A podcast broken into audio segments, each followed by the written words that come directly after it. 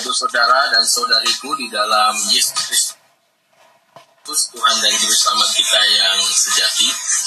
Uh, hari ini kita akan mendengarkan sebuah renungan dari kebenaran firman Tuhan, sekaligus juga ada beberapa pesan profetis yang akan saya sampaikan mengenai uh, bagaimana kita sebagai umat Allah dapat melalui masa-masa krisis ini dengan uh, tetap kuat dan tetap bertahan di dalam iman kita serta tetap hidup di dalam berkatnya. Izinkan saya untuk mempersiapkan melalui siap screen dulu. Iya, oke. Okay.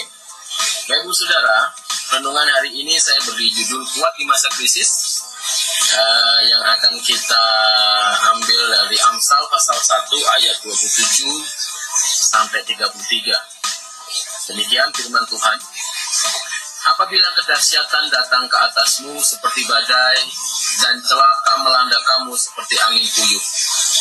Apabila kesukaran dan kecemasan datang menimpa kamu, pada waktu itu mereka akan berseru kepadaku tetapi tidak akan kujawab.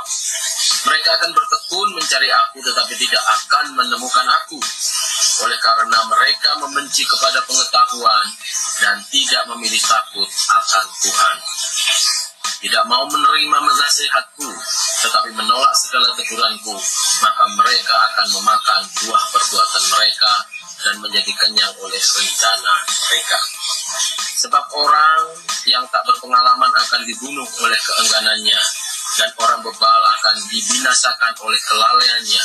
Tetapi siapa mendengarkan aku, ia akan tinggal dengan aman, terlindung daripada kedahsyatan malapetaka. Bapak Ibu Saudara, ini sungguh luar biasa. Uh, kita sedang menuju pada akhir bulan Juli. Kita akan masuk paruh berikutnya dari uh, bahkan ini sudah masuk ya paruh kedua dari tahun 2020 dan banyak sekali yang perjalanan yang kita alami di tahun ini termasuk kita juga hidup di masa-masa krisis karena pandemi yang mengglobal ini yaitu COVID-19 beserta dengan dampak-dampaknya. Di sini krisis itu kalau kita lihat dari bahasa Yunani-nya itu juga krisis, bahkan bentuk kata sifatnya itu kritis. Nah, seperti itu ada kondisi krisis, ada kondisi kritis sifatnya. Nah, adalah setiap peristiwa yang sedang terjadi atau diperkirakan terjadi maksudnya mengarah pada situasi tidak stabil dan berbahaya yang mempengaruhi individu, kelompok, komunitas, atau seluruh masyarakat. Jadi krisis itu seperti itu. Yang saya maksud dengan krisis adalah kondisi seperti itu. Dan kita lihat saat ini bahkan Bank Dunia sudah kasih warning pada tanggal 16 Juli kemarin bahwa seluruh dunia akan mengalami dampak krisis dari pandemi ini. Salah satu dampaknya adalah resesi. Itu bisa terjadi kalau pemerintah kita salah dalam manajemen. kita berdoa bagi Pak Jokowi dan stafnya, menteri-menterinya supaya bijak, diberi kebijaksanaan khusus untuk dapat mengatasi permasalahan-permasalahan ini. Oke, selanjutnya Bapak Ibu Saudara. Keengganan membawa petaka. Semenjak Februari 2019, ujung awal gelombang krisis, demi krisis sudah terlihat, bahkan tim doa kami sudah men menyampaikan apa-apa saja yang akan terjadi sejak di Singapura waktu itu saya sampaikan bahwa apa-apa aja yang akan terjadi di lintasan waktu di masa mendatang yang diperkirakan atau bukan diperkirakan ya, yang saya tangkap kita akan mengalami masa transisi yang diawali dengan pandemi ini hingga 2029 masa transisinya sebelum kita bisa masuk ke masa yang baru atau era yang baru. Nah, September 2019 kami juga mempertegas kembali pesan-pesan profetis mengenai bencana yang bergerak dari regional Asia dan bergerak secara global ya. Baik alam, moral, kemanusiaan itu akan menjadi warna-warna atau mewarnai kehidupan umat manusia dan waktu 10 tahun mendatang sejak September 2019 itu saya menangkapnya dan kami satu tim membagikannya. Maret 2020, arahan profetis itu lebih mengerucut bagaimana cara mengatasinya, menanggulanginya, yaitu ketika saya sedang persiapan untuk perjalanan uh, doa saya di satu daerah khusus. Saya memang memilih daerah itu karena sepi uh, saya bisa tenang bisa dicatat bisa tidak terganggu oleh pekerjaan-pekerjaan yang lain yaitu adalah yang pertama hold on atau tetap bertahan berpegang teguh. Itu ayat emasnya adalah Yesaya 26 ayat 3 lalu selanjutnya ketika hari keduanya saya mendapatkan untuk adaptif serta kreatif inovatif sebenarnya ya dengan ayat pegangannya kejadian 26 ayat 1 sampai 33. Nah, Bapak Ibu Saudara, akan tetapi apa terjadi? Banyak jemaat yang sudah mendengarkan pesan ini di waktu-waktu selanjutnya melaporkan kepada saya mereka mengalami kerugian yang besar. Ternyata banyak pesan-pesan profetis ini diabaikan. Padahal firman Tuhan uh, yang melandasi dari pesan-pesan tersebut kuat. Bahkan apa yang kami sampaikan teruji terbukti ya dengan berjalannya waktu apa yang akan terjadi. Termasuk pada waktu itu saya menyam, uh, saya mendapat dan menyampaikan bahwa awal tahun akan diawali dengan banjir awal tahun akan diawali dengan jatuhnya hamba-hamba Tuhan terutama di bidang moral etik dan sebagainya lalu akan ada tumpukan kantong mayat yang sejauh mata mana kita lihat korbannya jumlahnya besar sekali untuk COVID-19 ini. Bapak Ibu Saudara, sepertinya pesan ini hanya disimpan di sudut memori kita dan tidak ditelaah bahkan tidak diuji. Firman Tuhan jangan menganggap remeh setiap pesan-pesan profetis atau nubuatan itu tapi diuji. Nah, saya uh, menangkap pada renungan hari ini tadi pagi ketika saya berdoa mempersiapkannya bahwa ini adalah pesan yang terakhir mengenai 10 tahun ini apa yang akan terjadi yang harus saya sampaikan. Saya menangkap bahwa Roh Kudus tadi menyampaikan sudah ini cukup. Lalu saya menawar satu kali ini aja. Hari ini saja. Sebenarnya saya tidak akan membahas masalah eh, hal-hal uh, seperti ini, tetapi oke okay, saya minta Tuhan tolonglah uh, hamba mohon satu kali ini saja. Selanjutnya saya akan mengikuti. Eh, saya akan masuk kepada arahan yang selanjutnya, bukan mengikuti ya, tapi saya akan masuk kepada arahan selanjutnya, yaitu lebih kepada personal care, pastoral care, dan yang lebih komunal seperti itu, lebih personal, seperti pelayanan sosial, lalu pelayanan peningkatan sumber daya manusia dan sebagainya termasuk juga dengan memperkuat sektor ekonomi bagi uh, di topangnya pelayanan kami. Nah, Amsal sampai 32 mengatakan dengan tegas, inilah keengganan yang dapat membawa malapetaka bagi kita semua. Termasuk saya pun kalau saya enggan untuk taat dengan kebenaran-kebenaran serta arahan-arahan Roh Kudus, maka kita akan mengalami malapetaka. Termasuk saya juga tidak saya tidak taat atau saya memilih jalan untuk enggan Nah, sebab orang yang tak berpengalaman akan dibunuh oleh keengganannya. Dan orang bebal akan dibinasakan oleh kelalaiannya.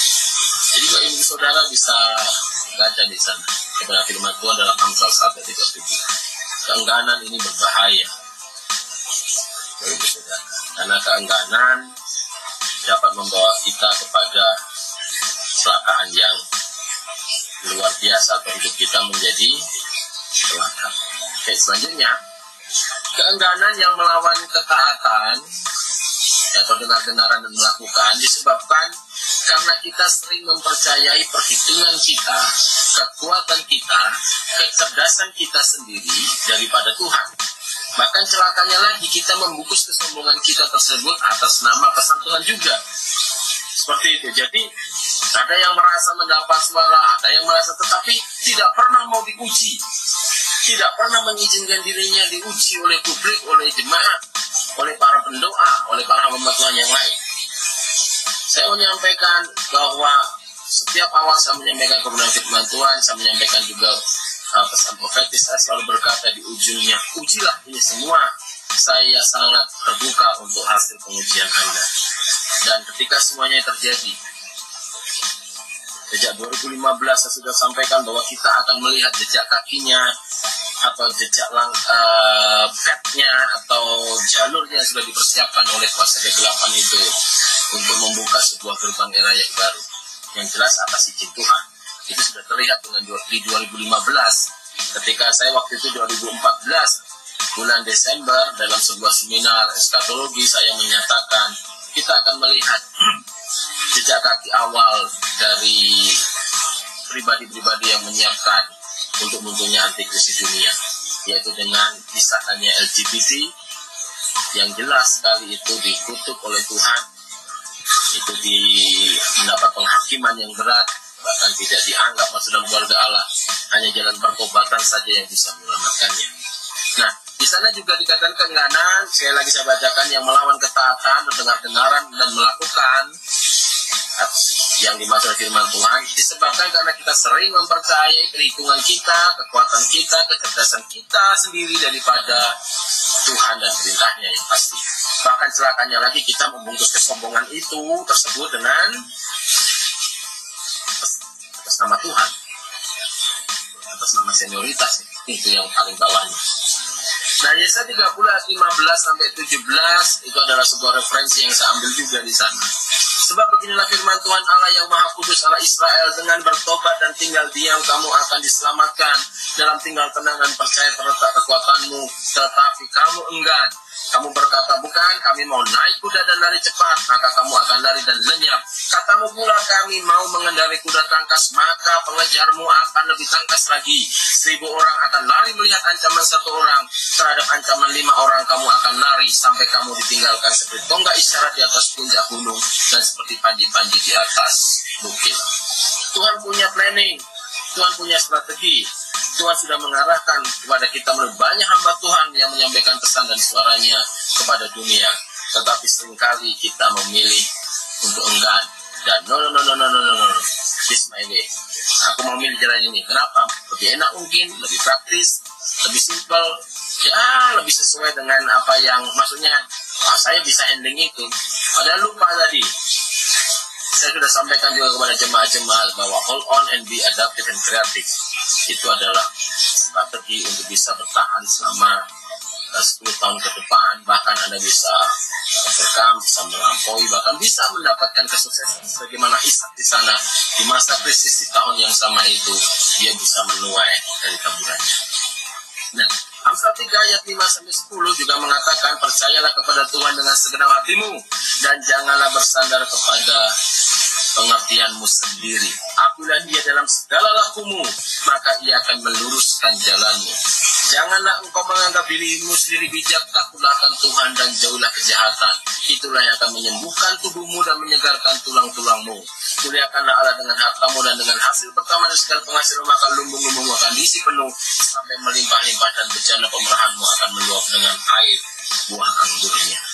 Ingat, Ishak tetap menabur di tengah masa susah. Saya dengan istri saya membuat kesepakatan sekalipun kondisi sulit seperti ini, janganlah kita menjadi pelit karena orang pelit tidak masuk surga dan orang pelit mengimani bahwa dirinya akan pilot juga. Di tengah masa krisis seperti ini, arahan Roh Kudus jelas melalui kejadian pasal 26 ayat 1 sampai 33. Jangan berhenti berbuat baik, jangan berhenti untuk menabur dan tetap bekerja dengan kreatif Sekalipun Anda harus mengalami adaptasi, lakukanlah itu. Karena tidak ada yang mustahil bagi orang percaya dan yang mau bekerja dengan dia. Saya kemarin bertemu dengan seseorang yang mengganti seluruh usahanya di masa krisis ini dengan berjualan es alpukat kocok. Padahal dia tadinya jualan gadget, kamera, semua teknologi-teknologi komunikasi dia jual. Dan dia berkata, saya harus adaptasi. Dan itu betul. Dia bertahan, saya melihat penjualannya cukup bagus. Bahkan kalau saya lihat di GoFood ya toko ini selalu muncul di awal seperti itu. Nah Bapak Ibu Saudara keengganan itu lawannya ketaatan. Ketaatan itu lawannya keengganan. Jadi ada nasihat bagi Bapak Ibu Saudara terutama juga bagi kita semua para pendoa para hamba-hamba Tuhan para pemimpin. Untuk mengatasi gelombang krisis yang akan datang dalam empat serial gelombang ini dan kita akan memasuki pada gerbang keduanya gerbangnya itu bulan 8 bulan 9 dari gerbang. Baru gerbang itu. Adalah saya akan mengulang lagi pesan yang saya sampaikan bulan Maret 2020 setelah serial dari Februari 2019, September 2019, April 2019 juga saya sampaikan mengenai ada beberapa uh, hal yang akan berpengaruh pada negara ini. Ternyata kita bisa melihat bagaimana uh, kerja para menteri sampai harus ditegur oleh Pak Presiden. Karena itu saya sudah sampaikan pada bulan April, Mei, Juni secara berseri. Jadi tapi puncaknya adalah September dan Maret saya sampaikan itu. Selanjutnya karena setelah ini saya harus silent semua pesan yang saya tangkapkan untuk secara global mungkin bahkan regional itu hanya akan menjadi catatan saja dan mungkin akan saya sampaikan kepada orang-orang para pendoa saja karena arahan sudah jelas saya akan ke lebih ke personal care, pastoral care ya lebih pada pengembangan ekonomi untuk pengembangan jemaat menolong mereka yang kena korban PHK dan sebagainya. Nah, yang kedua, eh, yang pertama adalah hold on. Yesaya 26 ayat 3 sampai 4. Yesaya 26 ayat 3 sampai 4. Jadikan pegangan Anda. Yang hatinya teguh kau jagai dengan damai sejahtera sebab kepada mula ia percaya. Percayalah kepada Tuhan selama-lamanya sebab Tuhan Allah adalah gunung batu yang kekal. Lalu keluaran 15.13 dengan kasih setiamu engkau menuntun umat yang telah kau tebus dengan kekuatanmu. Engkau memimpinnya ke tempat kediamanmu yang kudus. Jadi akan ada jaminan penyertaan Tuhan bagi Bapak Ibu Saudara semua yang tetap taat dan percaya kepadanya. Penyertaan Tuhan cukup. Saya masih ingat ada lagu yang dikarang Don itu yang berdasarkan kisahnya Musa. If your presence doesn't go with us, gitu ya. Jika engkau tidak berserta dengan kami Tuhan, wah nggak bisa gerak nih, gua nggak mau jalan. Ibu saudara hauskan penyertaan Tuhan dan bertahanlah. Saya juga teringat ketika saya mendapat ini, saya menyampaikan kepada keluarga saya dan semua jemaat, terutama mereka tim doa saya. Allah tidak pernah terdegradasi oleh kondisi krisis. Kitalah yang kadang-kadang terdegradasi imannya karena melihat krisis. Ingat, Allah tidak pernah terdegradasi, tereliminasi bahkan terdegradasi oleh krisis kondisi dunia lima tunggang balik bolak balik apa pun Allah tetap Allah dia tetap ia dan amin. Apa adanya dia tidak pernah terdegradasi. Kita lah yang kadang-kadang atau bahkan sering terdegradasi karena melihat krisis yang terjadi. Tetap percaya tetap hold on dia tetap Allah Yehova Jireh Allah memenuhi segala kebutuhan, memenuhkan segala kebutuhan kehidupan Bapak. Yehova Rafa yang menyembuhkan, Yehova Henu Allah yang menjadi hakim dan keadilan kita. Dia tetap Allah sebagaimana yang dia ada. Jangan khawatir, tetap Allah. Yang kedua ada kreatif, kejadian 26 ayat sampai 33. Bapak Ibu sudah bisa baca di sana bagaimana dari nomad, dari pengembala berubah menjadi agraris, petani. Tapi ingat, sebelumnya Tuhan menguatkan kehidupan keluarganya Ishak dahulu karena tidak ada lumbung yang terbaik manajemennya kalau ditata dari keluarga yang sehat. Kalau ekonomi Anda mau bertahan dengan baik di tengah krisis terutama seperti ini, Anda harus mempererat, memperkuat kemesraan keluarga Anda, mempererat, memperkuat hubungan kehangatan keluarga Anda. Jangan malah ribut, jangan malah menjadi sering adu mulut dengan pasangan, dengan keluarga, tetapi membangun kekompakan, kesepakatan, kasih mesra. Karena di sana Tuhan memerintahkan berkat. Yang selanjutnya adalah jalankan dengan ketaatan. Amsal 1 ayat 33 mengatakan, tetapi siapa mendengarkan aku, ia akan tinggal dengan aman, terlindung daripada kedahsyatan malapetaka. Sekali lagi, Amsal 1 ayat 33, tetapi siapa mendengarkan aku, ia akan tinggal dengan aman, terlindung daripada kedahsyatan malapetaka. Aku di sini adalah hikmat Tuhan, firman Tuhan. Pengajaran kepada firman Tuhan mengatakan jalankan ikuti tetap di masa krisis ini jangan izinkan iman anda kepercayaan anda ketaatan dan terdegradasi karena Allah tetap setia. Ayat emas kita pada bulan Agustus September ini adalah keluaran 15-13 tadi. Dengan kasih setiamu engkau menuntun umat yang telah kau dengan kekuatanmu. Engkau membimbingnya ke tempat kediamanmu yang kudus. Lalu Amsal 1, 3, 2, 3, 3, ya, sebab orang yang tak berpengalaman akan dibunuh oleh keengganannya, dan orang bebal akan dibinasakan oleh kelalaiannya, tetapi siapa mendengarkan aku, ia akan tinggal dengan aman, terlindung daripada kedahsyatan malah petaka. Dan yang terakhir, Amsal 3, 5, sampai 6, ayat yang sangat terkenal, tetapi hanya sering dihafal, tapi tidak dijalankan yaitu adalah percayalah kepada Tuhan dengan segenap hatimu dan janganlah bersandar kepada pengertianmu sendiri. Akulah dia dalam segala lakumu, maka ia akan meluruskan jalanmu. Bapak Ibu Saudara, demikian kebenaran firman Tuhan yang pesan profetis yang saya sampaikan. Mohon Bapak Ibu Saudara semua untuk mencatat baik-baik, bahkan saya terbuka untuk mengujinya. Tapi apa yang mau diuji, semua sudah terjadi. Uh, tetapi kalau Bapak Saudara mau menguji tentang langkah-langkah strategis untuk mengatasi krisis ini silahkan. Yaitu hold on, be adaptive dan kreatif, ya untuk inovatif yang kreatif, dan jalankan dengan ketaatan. Shalom, salam tentram rahayu bagi Bapak, Ibu, dan saudara-saudariku sekalian di dalam Yesus Kristus, Juru Selamat kita yang sejati. Tuhan memberkati Anda semua. Haleluya. Haleluya. Amin. Terima kasih Bapak Ibu Saudara atas kesediaan Bapak Saudara mendengarkan pesan ini. Tuhan memberkati.